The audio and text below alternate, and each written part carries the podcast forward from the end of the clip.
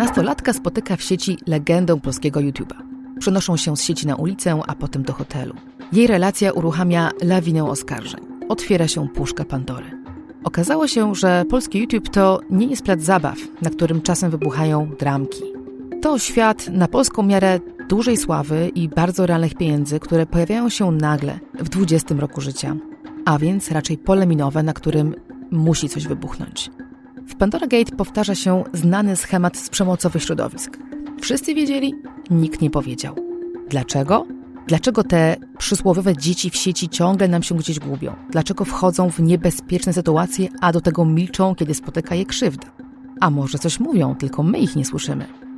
Profesor Błażej Kmieciak, były przewodniczący Komisji do Spraw Pedofilii, komentując Pandora Gate powiedział, pewne tematy są w sferze ciszy, tego patologicznego sekretu. Dopiero taki wybuch bomby sprawia, że głos skrzywdzonych staje się słyszalny. Żeby ten głos usłyszeć, musimy wyjść z zaprzeczenia, ale też z lekceważenia. Nastolatek, który w domu słyszy, co ty tam robisz, znowu oglądasz jakieś głupoty, raczej nie przyjdzie po wsparcie, kiedy natrafi w sieci na coś naprawdę niepokojącego.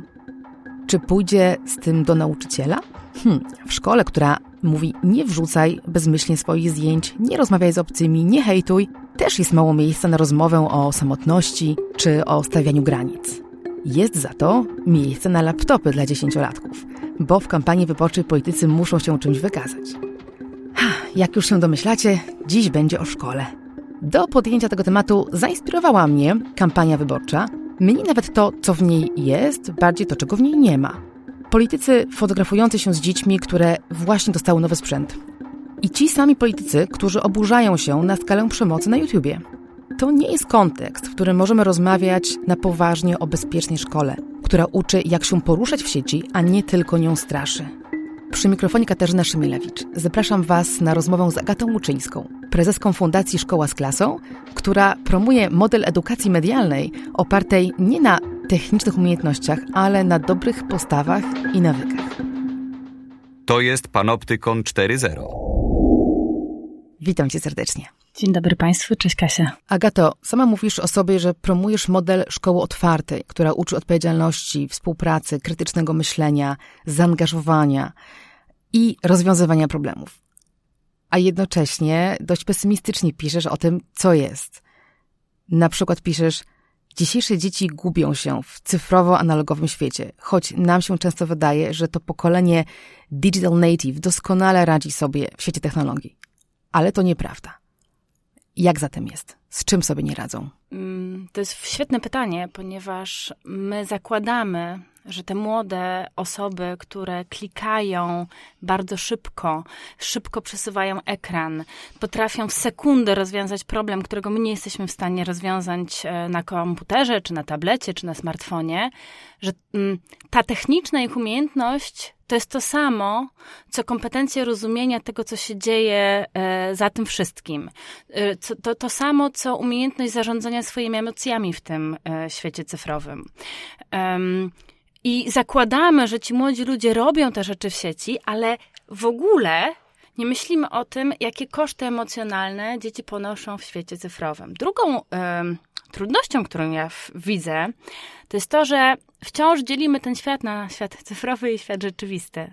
E, ten podział na tych digital natives i digital immigrants e, to jest absolutna zaprzeszłość. I chociaż coraz więcej się o tym mówi, o takiej fragmentarycznej tożsamości, którą tworzy się w różnych miejscach, e, którą e, tworzy się przynosząc z różnych kontekstów to, kim jesteśmy, to w jakich rolach się stawiamy, to bardzo mało się mówi o tym, jak tych młodych ludzi wspierać. Może mówimy tak, bo my sami tak myślimy. My sami myślimy cyfra, analog, bo dorośli komentujący to, co dzieje się w szkołach, oceniający dzieci, martwiący się o nich, ale też dziwiący się ich zachowaniom, sami mają w głowie jeszcze ten świat analogowy. I teraz skąd, skąd ma wziąć się pomoc w doświadczeniu, prawda? Tak sobie myślę, że ktoś, kto nawet chciałby wspierać dziecko, które siedzi na tym umownym YouTubie i coś tam dziwnego klika, jak ma to zrobić, skoro nie ma pojęcia o tym świecie? No, y, nie wiem, czy bym y, tworzyła to rozróżnienie na świat analogowy i cyfrowy właśnie, bo do tego próbowałam zmierzać, że dziecko jest po prostu w pewnych relacjach, a to, czy one są nawiązywane y, z naszych czasów przez telefon, czy za pomocą kartki pocztowej, pisanego listu ręcznie, y, czy za pomocą jakiejkolwiek aplikacji, to jest trochę wtórne. E, jedyne, co się zmienia, to zmienia się szybkość reakcji, brak dostępu innych osób do tego, co nam się przydarza i mnogość bodźców i wielość tych doświadczeń, z którymi ciężko sobie nawzajem, um, ciężko sobie w samotności poradzić, kiedy nie mamy wsparcia innych. I teraz wracając do Twojego pytania, bo rozumiem, że Tobie chodziło o to, jakby jak to doświadczenie w ogóle złapać. No bo mówisz, i to mi się wydaje absolutnie kluczowe, nie techniczne umiejętności, ale postawy, nawyki, świadomość, te bardzo miękkie rzeczy, co do których wszyscy czujemy, że to one decydują o naszej jakości życia, o tym, czy znajdziemy się w pracy, w szkole, w każdej innej relacji. Mm, a więc trochę jak powietrze, a z drugiej strony bardzo trudne rzeczy do wykształcenia, jeżeli się nie ma dobrej bazy z tak zwanego domu czy zdrowego dzieciństwa.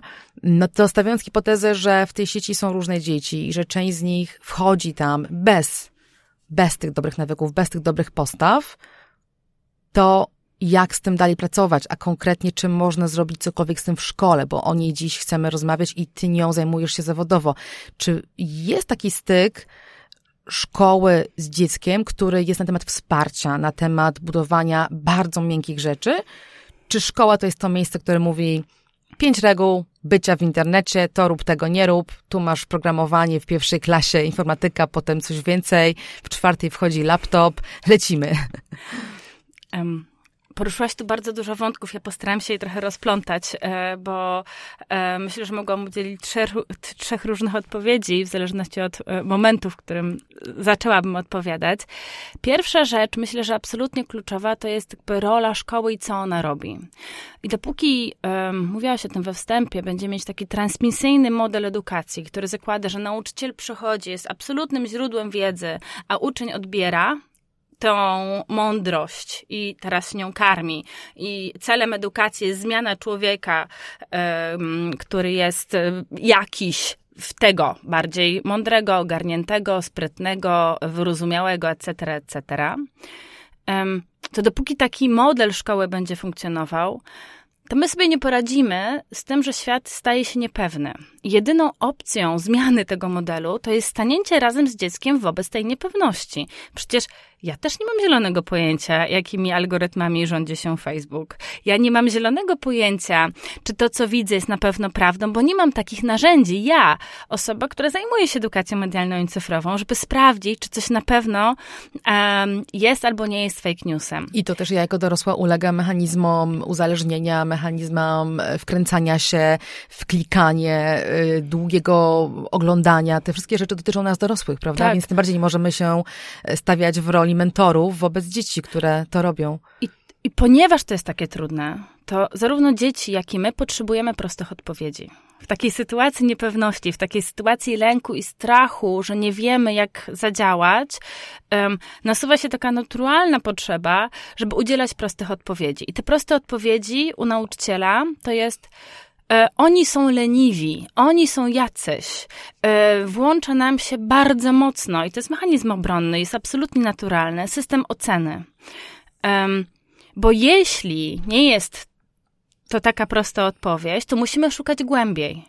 E, musimy sprawdzać, co to dziecko znajduje w internecie. No, my wiemy, że ono znajduje tam poczucie przynależności czasami, um, możliwość powiedzenia czegoś, czym by sobie nie poradziło um, na żywo. Znajduje tam relacje, znajduje tam bardzo dużo rzeczy, których nie dostaje w realnym świecie. Um, no i dostaje te rzeczy, ale z tymi rzeczami przychodzą też, e, te, przychodzi też bagaż e, różnych trudnych doświadczeń. Um, no a tak jak mówiłaś, ci młodzi ludzie, kiedy słyszą, nie wchodź na złą stronę, jeśli na nią wejdą, albo jeśli coś mu się złego przytrafi, nie przyjdą po pomoc, nie przyjdą po wsparcie, nie będą chciały rozmawiać o trudnych rzeczach, które nie, nie mają łatwych odpowiedzi. Więc jeśli miałabym jedną rzecz powiedzieć, co szkoła mogłaby zrobić, to mogłaby pomagać uczniom stawiać trudne pytania, na których nie ma łatwych odpowiedzi. I modelować, i to sobie tak wyobrażam, taki model idealnej edukacji, modelować wspólne zastanawianie się i trzymanie takiej niepewności, szukanie rozwiązań i słuchanie siebie nawzajem z takim szacunkiem dla różnic. I to jest chyba to, co e, wydaje mi się najtrudniejsze, kiedy mówimy o edukacji medialnej i cyfrowej. Bo jak o niej mówimy, no to nam naprawdę nasuwa się komputer, internet, etc., etc. To w ogóle nie jest tak, że my ucząc cyfrowego obywatelstwa, że my koniecznie sięgamy do komputerów. Jasne, bo to się robi samo, prawda? Tak jak powiedziałaś, dzieci klikają bardzo sprawnie, to my e, nie możemy nadążyć za ich kompetencjami w takim sensie twardym. E, często przecież jest tak, że ten pokoleniowy przekaz jest odwrotny, że to młodszy uczy starszego, więc gdzie indziej jest brak, gdzie indziej żeby jest była, deficyt. Żeby była jasność, to ci y, uczniowie, którzy nie mają dostępu do komputera, faktycznie, oni na początku zyskują. E, ci, którzy e, z powodów ekonomicznych najczęściej i społecznych nie mają dostępu do sprzętu, dla nich faktycznie jest to ogromna wartość i skok rozwojowy, dostęp do sprzętu, kiedy go nie masz nigdy. Natomiast to się bardzo szybko kończy i wchodzą te wszystkie rzeczy miękkie, na których trzeba i tak budować w ogóle swoje bycie w świecie. No bo przecież nam nie chodzi o to, żeby ludzie byli nagle cyfrowo ogarnięci, tylko żeby po prostu, po prostu byli ogarnięci. Żeby na YouTubie nie ulegali przemocy. No byłoby bardzo dobrze, jakbyśmy po prostu mieli granice i wykrywanie sytuacji niebezpiecznych i radzenie sobie z nimi. No, powiedziałaś coś niesamowitego w kontekście edukacji dla mnie. E, urządzić to tak, żeby to dziecko formułowało i to jeszcze trudne pytanie, na które nauczyciel może nie mieć odpowiedzi. Czy ja to dobrze usłyszałam. Tak, i że razem sobie staną wobec tej niepewności i posłuchają sobie różnych głosów. Niekoniecznie na sam koniec dochodzą do jednej, jedynej e, trafnej odpowiedzi. To jest diablo trudne. Myślę, że także dla nas. Um, ale Znam takie przykłady nauczycieli, którzy właśnie tak pracują. I potem historie, które ci uczniowie opowiadają, jak ten nauczyciel, ten jeden, proszę sobie przypomnieć, czy macie taką osobę, która zmieniła wasze życie takiego nauczyciela. Niektórzy pewnie mają, inni nie. Ale wszystko, e, wszystkie te opowieści, które ja słyszę, które są o tym, ta nauczycielka, ten nauczyciel zmienił moje życie, one są o uwierzeniu w ciebie. One są o tym, że ta osoba mi pomogła wybrać moją ścieżkę, że pomogła mi, była ze mną w trudnej sytuacji, a niekoniecznie dawała mi odpowiedzi zero-jedynkowe. Więc tak naprawdę ja mam mm, może niepopularną taką postawę i teorię, że edukacja cyfrowa o cyfrowości jest coraz mniej, a coraz bardziej jest po prostu o, o nas i o tych um, bardzo podstawowych rzeczach. Dodałabym tu jeszcze jedną rzecz. Poczucie bezpieczeństwa. W takiej niepewności, kiedy w tym świecie cyfrowym dzieje się tak bardzo dużo rzeczy i ten laptop naprawdę jest tylko technicznym sposobem dotarcia do, e, do jakby innego e, wymiaru naszego bycia w sieci. Może na większym ekranie, może wygodniej, może troszeczkę szybciej. To to poczucie bezpieczeństwa związane z tym, że wiem jak jest, wiem jak powinno być, znam normy, wiem, że jak zrobię A, to efekt będzie B. Że ono się zaburza. I teraz no znowu, wracamy do tego, co powiedziałam wcześniej, że kiedy to nam, nam poczucie bezpieczeństwa spada, rośnie potrzeba prostych, jasnych odpowiedzi. Więc tak, przybiega tygrys, uciekam. Kiedy nie jest to tygrys, a mały kotek, no to mogę się mu poprzyglądać. Mhm. I, um, I to jest ten sam mechanizm, który w ogóle rządzi naszym byciem i w świecie cyfrowym, i w ogóle w, e, w szkole, i w naszych relacjach społecznych. No i teraz mamy model szkoły, który przepraszam, jeśli obrażam, nazwany jest cały czas pruskim. Mm. Tutaj będę czekała na Twoją opinię, bo, bo, bo to Ty jesteś ekspertką od tego, jak jest. Szkoła, która, no to, że jest hierarchiczna, to każdy widzi. To, że jest raczej transmisyjnie ustawiona, nadaje do ucznia, a nie słucha, to też e, wiemy. Nauczyciele są oceniani za wyniki w testach e, i są dość twardo rozliczani. Ta biurokracja, ja głównie to słyszę od, y, od, od nauczycieli, jeżeli mam z nimi styk, że ich praca w coraz większym stopniu polega na produkowaniu tych papierów poza, e, poza klasą. A powiedziałaś jednocześnie, że są ludzie, którzy pracują tak dobrze, także transformują e, swoich uczniów, wspierają ich tak dobrze, że nauczyciel staje się mentorem. E, czy, czy my musimy zmienić system? Czy to jest aż tak ambitne przedsięwzięcie, żeby robić lepszą edukację medialną? Czy to jednak da się jakoś pomieścić w tym skostniałym, starym systemie?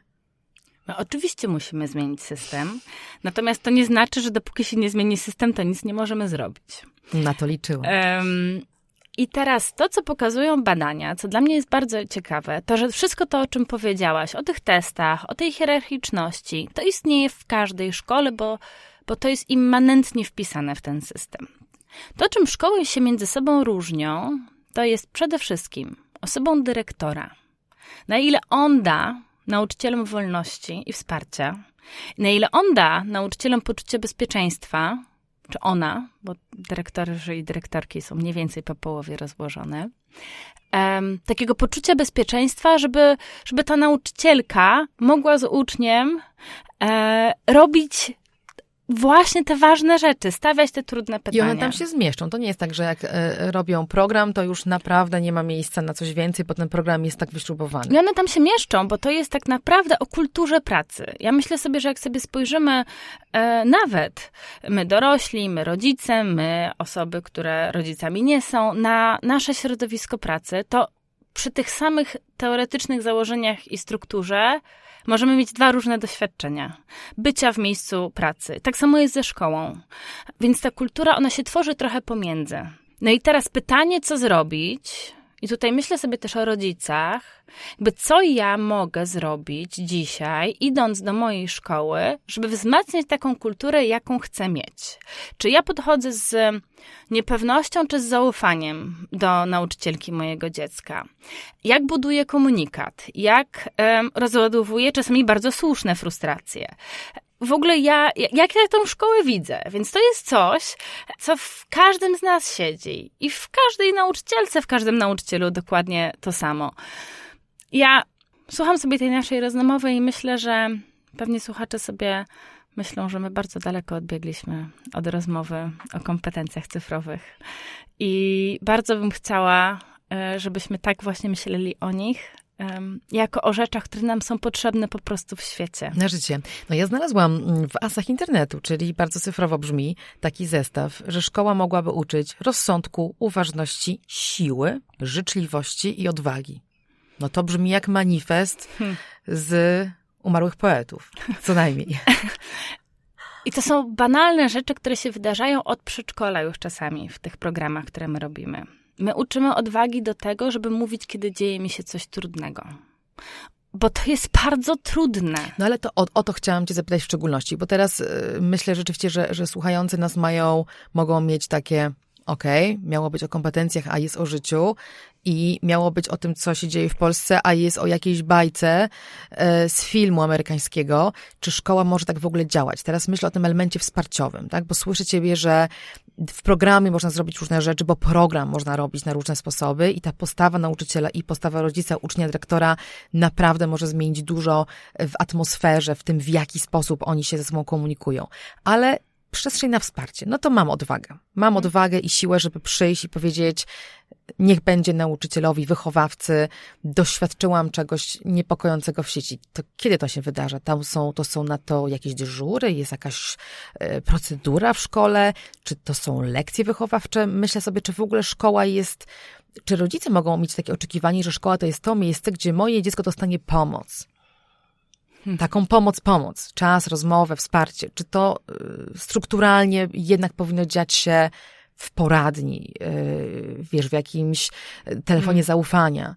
Gdzie jest ta granica oczekiwania do szkoły, jeśli chodzi o wspieranie w sytuacjach trudnych? Nad tym się zastanawiam. To jest trudne i niebezpieczne pytanie i dzięki Ci za nie. Bo oczywiście powinno tak być, że w szkole jest psycholog i jest osoba, do której można pójść. Telefony zaufania muszą działać, jest skandalem, e, że próbowano obciąć e, środki e, na to. Obcięto zresztą. Natomiast badania mówią i praktyka pokazuje, że dziecko i tak przyjdzie do tej osoby, której ufa. Więc oczekiwanie rodzica, że tę osobę, któremu dziecko ufa, znajdzie to dziecko w szkole, to jest um, takie samo oczekiwanie, jak nauczyciel oczekuje od rodzica, że tę relację z uczniem zbuduje e, odpowiednią. Więc um, wydaje mi się, że to są równoległe pytania, które w ogóle siebie nie wykluczają. To znaczy bardzo konkretny, strukturalny mechanizm wsparcia telefonów zaufania, psychologa, pedagoga szkolnego, który zawsze jest dostępny i do którego można przyjść, ale jednocześnie odpowiedzialność każdego i każdej z nas, żeby tę relację budować w taki sposób. I mm, my lubimy w fundacji bardzo takie określenie małe rzeczy, które dużo znaczą. Mm, no bo to jest o tym, żeby ten nauczyciel przyszedł na lekcję i powiedział, jak ci minął dzień, jak się czujesz dzisiaj. To są o takich drobnych rzeczach. Do tych 30 swoich osób do tych 30 osób, może nie codziennie do każdego. Ale żeby widzieć y, człowieka każdego, każdego tego ucznia i uczennicę. No i myślę, że to też można przełożyć dla tych osób, którzy już w szkole nie są, na, na swoją sytuację w pracy, po prostu.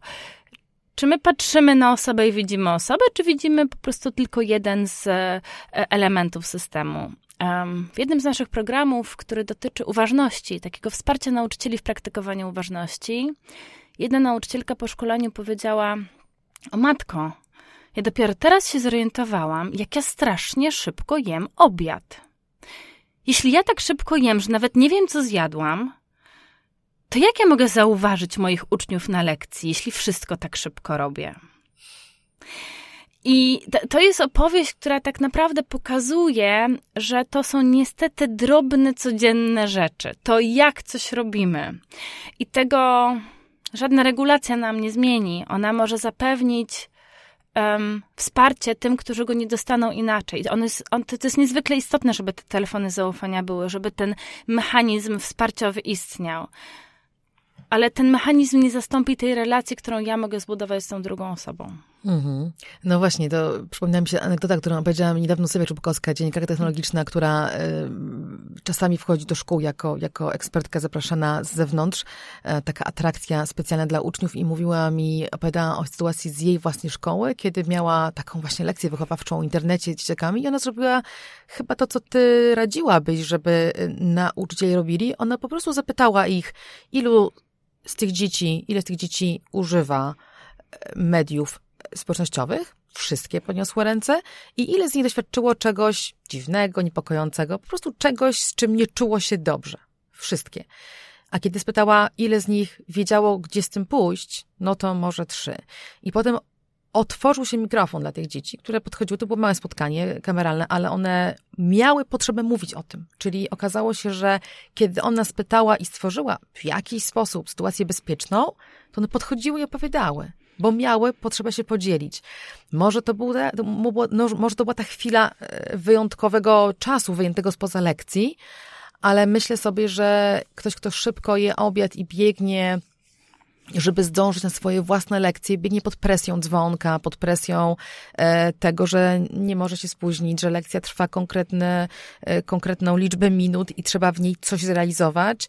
Czy w tej ramie istnieje jakiś margines? Czy to jest tak, że musielibyśmy tę ramę po prostu poluzować albo stworzyć specjalną przestrzeń na wychowywanie, na rozmowy. Zdecydowanie ta, ta rama musi być poluzowana, to jest oczywiste. I to zawsze jest kosztem czegoś, kosztem mojego życia osobistego, mojego nauczyciela życia osobistego, kosztem mm, innych innej mojej energii, którą mam na, na coś. Ty powiedziałaś o poczuciu bezpieczeństwa. Ja bym dodała tutaj drugi kawałek, który uważam za um, bardzo ważny w tej, w tej anegdocie, którą przytoczyłaś to jest taka postawa ciekawości poznawczej. Interesuje mnie, co myślisz. Naprawdę. W sensie, naprawdę mnie ciekawi.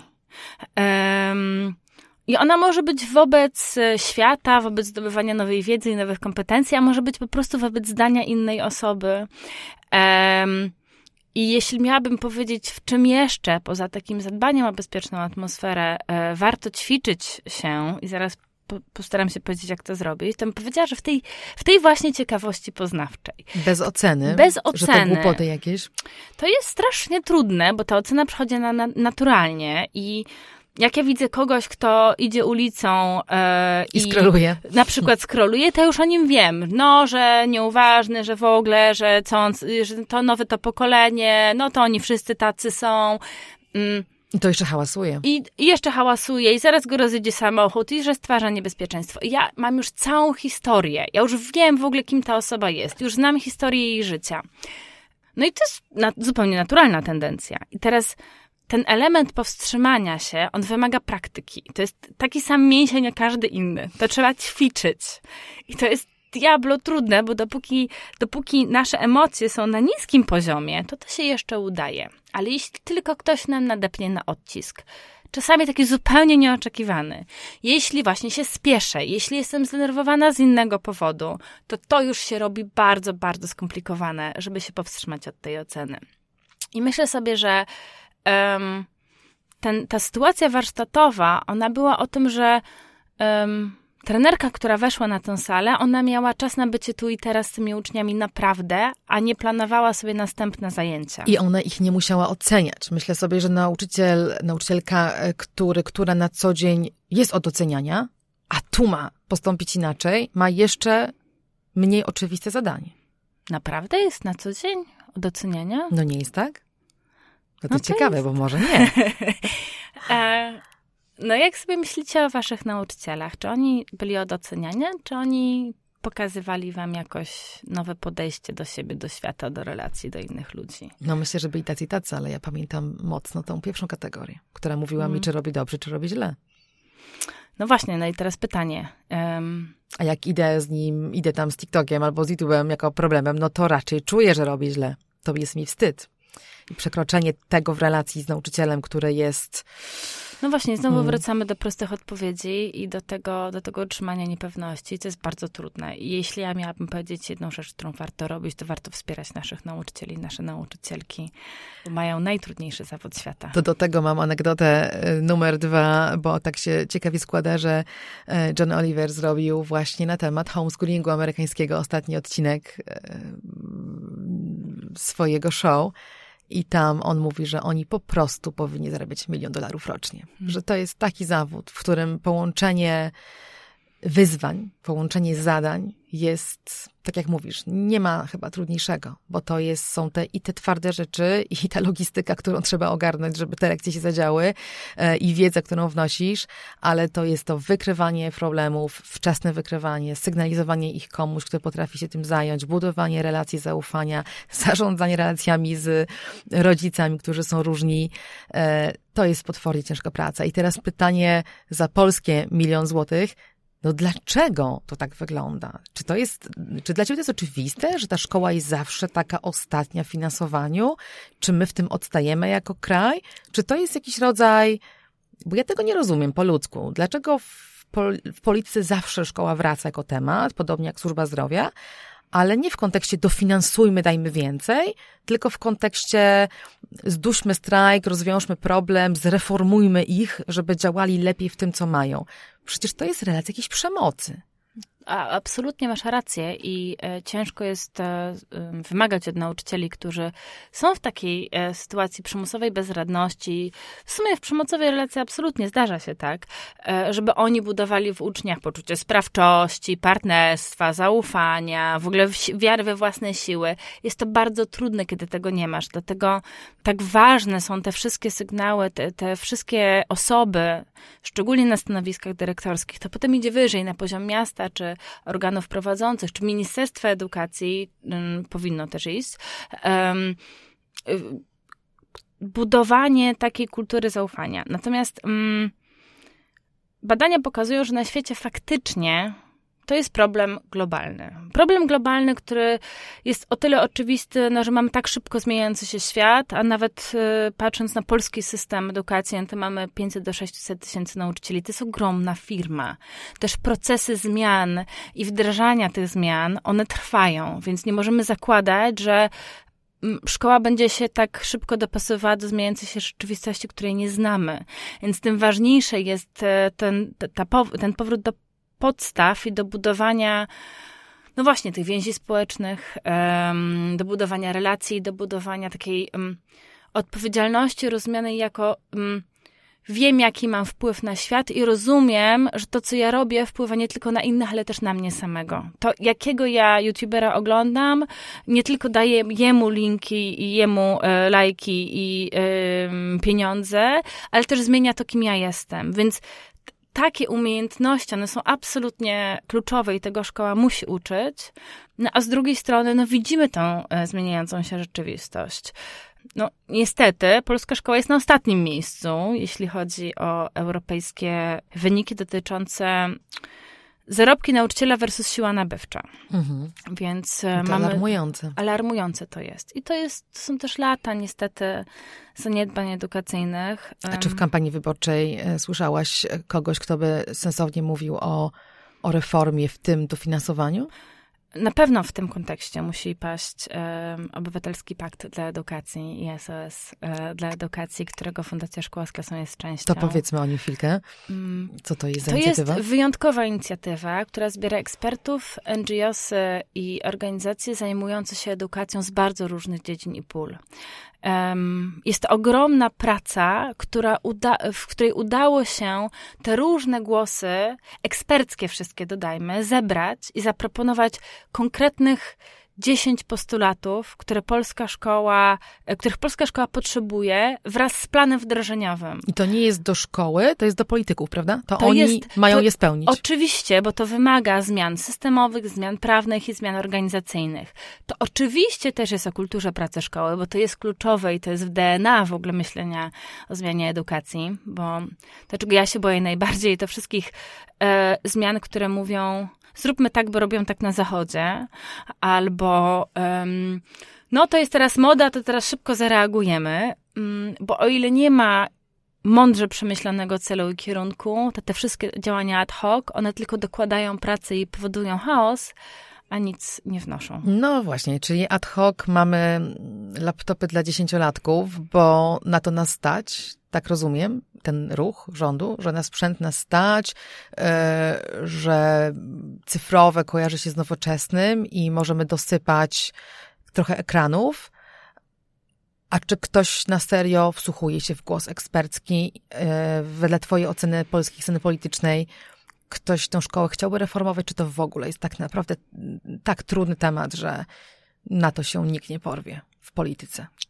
Bo na, ja tym, na tym się przegrywa po prostu. Myślę, że jedyną szansą dla nas, jeśli chodzi o reformę edukacji, jest ponadpartyjna koalicja i dogadywanie się w taki sposób. Obywatelski Pakt dla Edukacji taką platformą i szansą właśnie jest, więc um, bardzo mnie cieszy to, w jaką stronę to idzie. Natomiast wracając do Twojego pytania o te laptopy, to faktycznie jest tak, że łatwo się mierzy rzeczy, które są mierzalne, a postawy i to na ile ktoś jest teraz bardziej sprawczy niż był dwa miesiące temu i na ile w tym momencie potrafi lepiej się komunikować, to jest bardzo trudne mierzalne, więc politycy, my wszyscy uciekamy w proste rozwiązania, bo po prostu potrzebujemy sukcesów.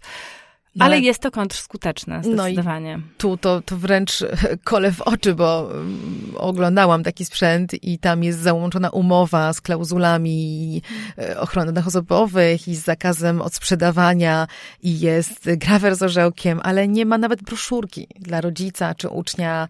Co zrobić dalej, jeżeli trafiam na przemoc, gdzie mogę się zgłosić, jeżeli potrzebuję wsparcia, programu, skąd to brać, mimo że jest tego trochę, bo choćby szkoła z klasą i wiele innych organizacji, które macie w pakcie do edukacji, takie materiały, programy robią, e, ale, ale, ale tak, ale jest, jest to zerwanie relacji między systemem, nie mówię konkretna szkoła, bo tutaj obie wiemy, że zdarzają się w nich wspaniałe programy, mm. wspaniali ludzie, którzy, którym się chce, ale że systemowo nie sięgamy po tę wiedzę, która jest choćby w NGO-sach. Tak, wymyślamy koło na nowo i um, ja myślę, że to była ogromna PR-owa też szansa. Um, rozstajemy laptopy, zróbmy zatem no sensowny program. Warsztaty. To w zasadzie jest jedyna możliwość tak łatwego dotarcia do rodziców, co jest zawsze ogromnym wyzwaniem. Bo, bo to no, coś trafia do domu.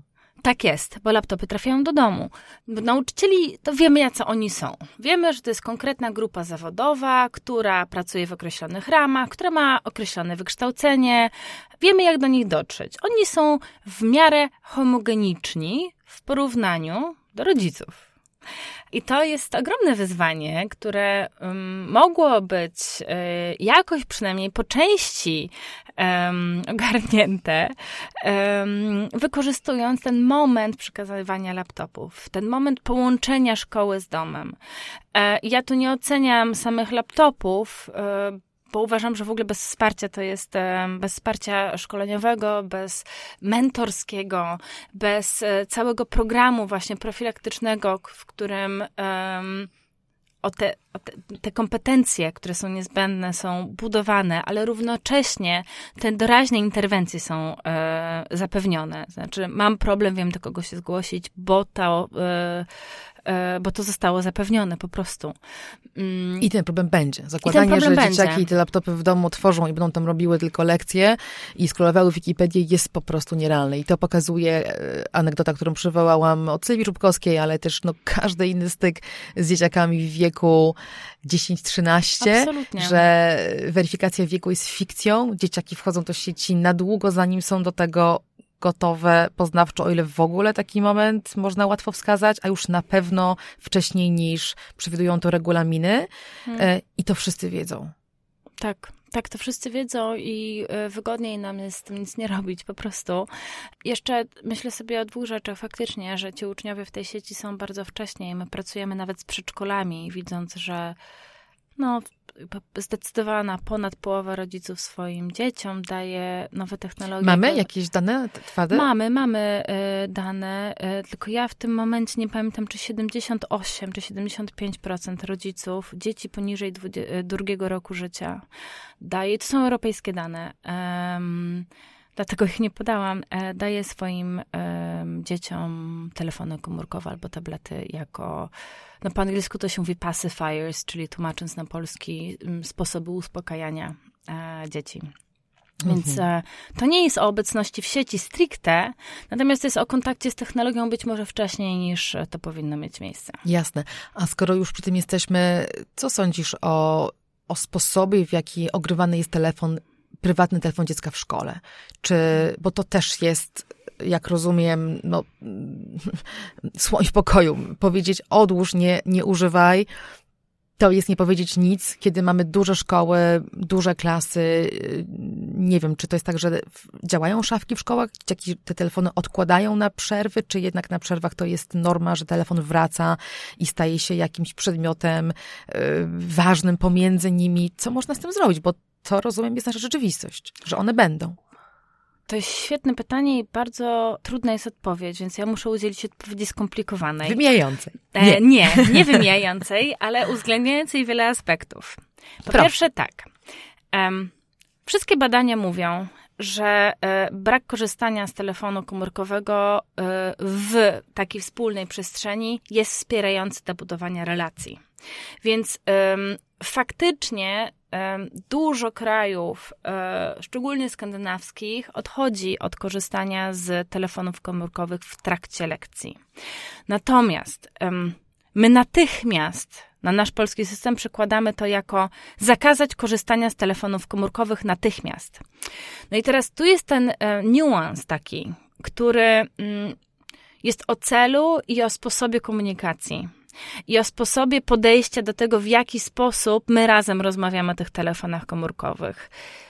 Kiedy nauczyciel go ma zawsze, a uczeń nie może, to tutaj już się tworzy e, pierwszy, e, pierwsza trudność. Jeśli z drugiej strony tych komórkowych telefonów w ogóle nie ma i nie ma w ogóle sprzętu, to szkoła staje się takim miejscem, które udaje, że, że one nie istnieją, te technologie. To jest tak jak dawno, dawno temu, kiedy pojawiła się Wikipedia i uczniowie zaczęli z niej masowo korzystać, nauczyciele zadawali prace domowe w postaci napisz definicję czegoś i uczniowie to przepisywali albo w ogóle kopiowali z Wikipedii i drukowali, to to jest trochę ta sama sytuacja. To znaczy, udajemy w szkole, że rzeczywistości nie ma. I w sumie z tej perspektywy ja bym chciała, żeby ten nauczyciel mi towarzyszył O ile to jest partnerskie, ile to znowu nie jest przemocowe i hierarchiczne. Więc z tymi telefonami komórkowymi jest faktycznie tak, że warto ograniczyć ich korzystanie. Zdecydowanie. Właśnie po to, żeby te relacje były budowane, właśnie po to, żeby pozwolić na nudę, bo to też badania pokazują o tej e, uwadze, którą mamy siłę poświęcić na coś. Im więcej skrolujemy, im więcej zapełniamy sobie ten czas przerwy robieniem rzeczy w dużej intensywności i szybkości zmiany, tym mniej czasu mam na namysł, na refleksję, na, na spokój, na wyciszenie, a to też jest potrzebne. Więc z tej perspektywy warto to ograniczać. Ale może jako forma kontraktu. Natomiast zdecydowanie nie sztywnym zakazem, e, który jest bez rozmowy, bez wyjaśnienia, bez pewnej e, dyskusji, dlaczego tak, bez e, no, takiego podmiotowego traktowania każdej osoby, która w tym procesie edukacyjnym jest. Dobrym przykładem myślę, że to też są ukraińscy uczniowie w polskich szkołach, którzy w szkołach, gdzie te zakazy telefonów były, mogli z telefonów korzystać, bo używali to do tłumaczenia tekstu. Albo taka była. E, Albo taka wersja, była wersja. Oficjalna. Natomiast na pewno e, też korzystali do tłumaczenia tego tekstu, tylko oczywiście nie tylko, ale. No bo już... jeśli nudzić na lekcji, tak sobie wyobrażam, to przy okazji też e, chcieli dostarczyć sobie jakiegoś bodźca. I te bodźce, to mi się wydaje strasznie ważne. W tym podcaście wielokrotnie mm, miałam okazję rozmawiać o tym z psychologami, z neurobiologami. No, mamy na to twarde dane, że to, co powiedziałaś, to sposób działania naszego mózgu zmienia się pod wpływem jego przebodźcowania, e, fala diagnoz dotyczących dzieci, czy to jest naprawdę tak, że teraz rodzi nam się połowa dzieci więcej e, z zaburzeniami koncentracji, czy jednak my robimy coś cywilizacyjnie inaczej? Patrz, telefon e, i tego typu bodźce, które nam pewne procesy zaburzają. I szczególnie, kiedy to jest poniżej 13 roku życia. Ta granica wejścia, którą akceptujemy prawnie, ona się właśnie wzięła przecież z badań rozwojowych. I nie wiem, czy myślisz, że taka rozmowa z uczniem, mm, uczennicą o tym, że ograniczamy ci ten dostęp, bo to jest dla ciebie dobre, ona jest do przeprowadzenia, czy ona zawsze wybrzmi jak e, surowy rodzic, który coś tutaj marudzi? Mm, to też jest o tym, żeby zapytać się, dlaczego potrzebujesz tego telefonu.